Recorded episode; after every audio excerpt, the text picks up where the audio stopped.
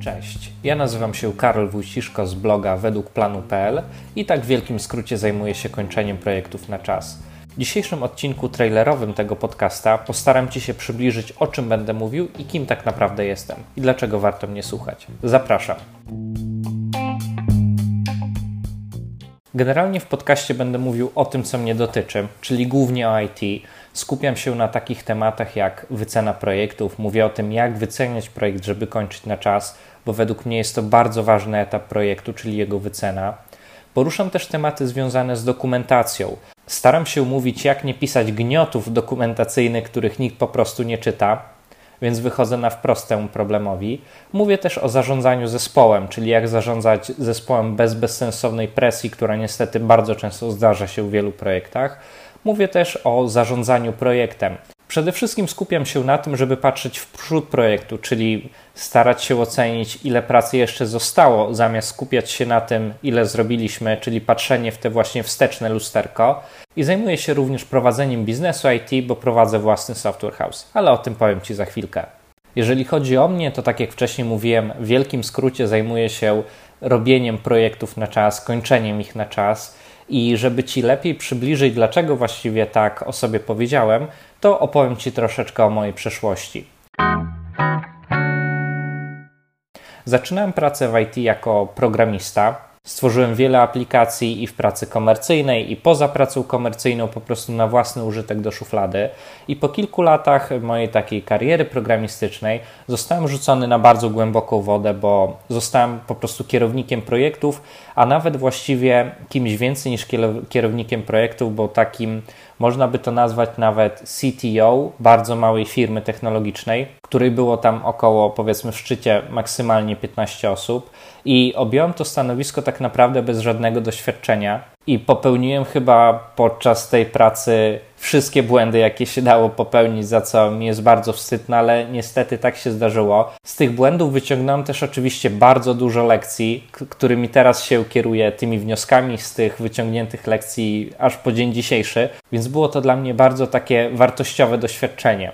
Jeżeli interesują Cię takie moje konkretne błędy w detalu, to opisałem to na swoim blogu pod hashtagiem spowiedź, a link do tych materiałów znajdziesz w opisie tego odcinka. Tak jak już wcześniej wspomniałem, że na tym stanowisku popełniałem wiele błędów, ale też, ale też działalność tej firmy po prostu pewnego dnia się skończyło, więc zostałem tak naprawdę z niczym, ale zacząłem szukać po prostu nowej pracy. I tutaj tak właściwie po, powróciłem do programowania, rozpocząłem znowu, znowu pracę, kariery jako programista i tak sobie pracowałem przez pewien czas, mając ten cały bagaż doświadczeń z poprzedniej pracy. Programowałem sobie, tak naprawdę lubię to robić, i po pewnym czasie klient docenił tą moją jakość tego programowania, więc pomyślałem sobie, że warto byłoby to przeskalować.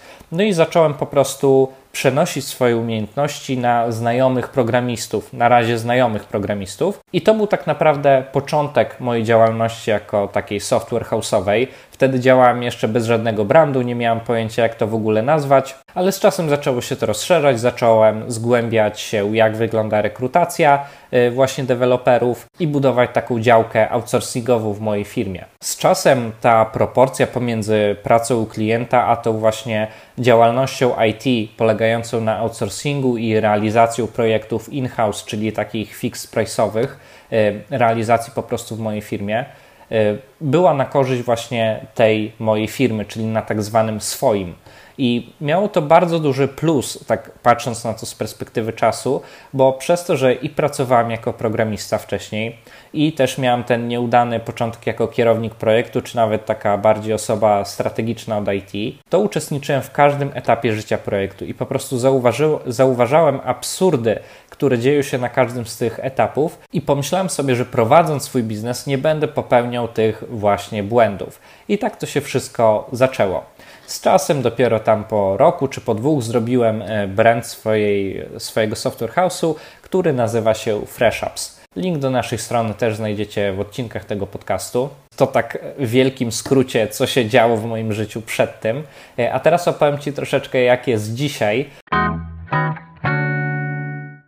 Więc no nadal prowadzę własny software house, Fresh Apps. Zajmujemy się głównie outsourcingiem, gdzie, gdzie przez to cały czas zdobywam cenne doświadczenia, y, w jaki sposób zarządzać programistami, jakie programiści mają problemy, jakie mają preferencje i co można zrobić, żeby ich praca była bardziej wydajna, żeby była bardziej optymalna też y, zdaję sobie sprawę, mm, jakie problemy są na etapie rekrutacji, co ich tak naprawdę boli. Oprócz tego też, oczywiście, oprócz outsourcingu, sam jestem u klientów i głównie u klientów zajmuję się takimi rzeczami jak zarządzanie projektami.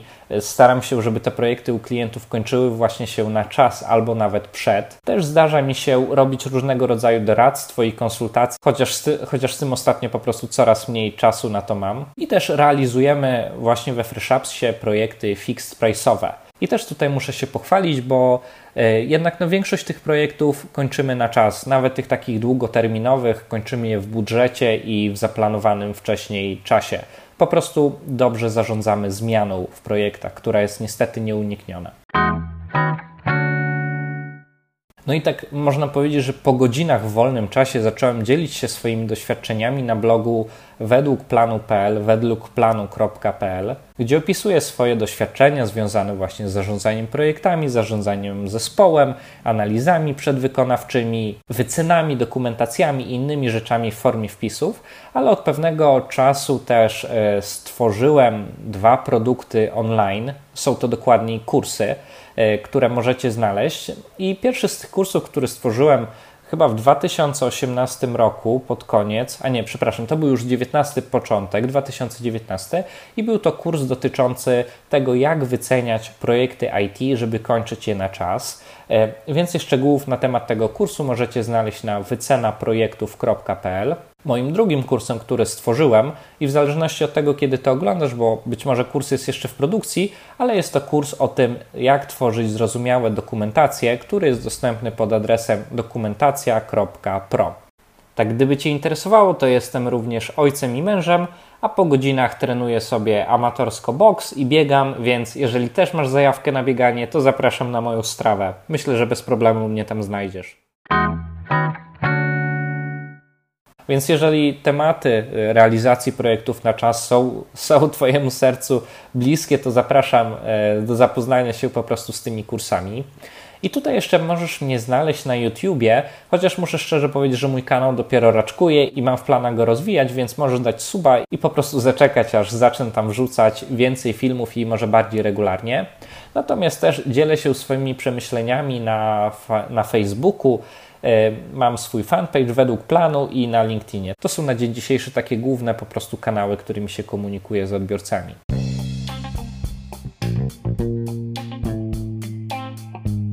Więc to by było na tyle. Jeżeli e, rzeczy, o których mówiłem, są Ci bliskie, gdzieś uważasz, że to koreluje z tym, to zapraszam do zostawienia subskrypcji, niezależnie jakiej formie, po prostu w jakiej preferujesz, czy wolisz czytać mnie na blogu, możesz też zapisać się na mój newsletter, nie wiem, śledzić mój fanpage albo po prostu zasubskrybować ten podcast. Więc dziękuję Ci za uwagę i zapraszam.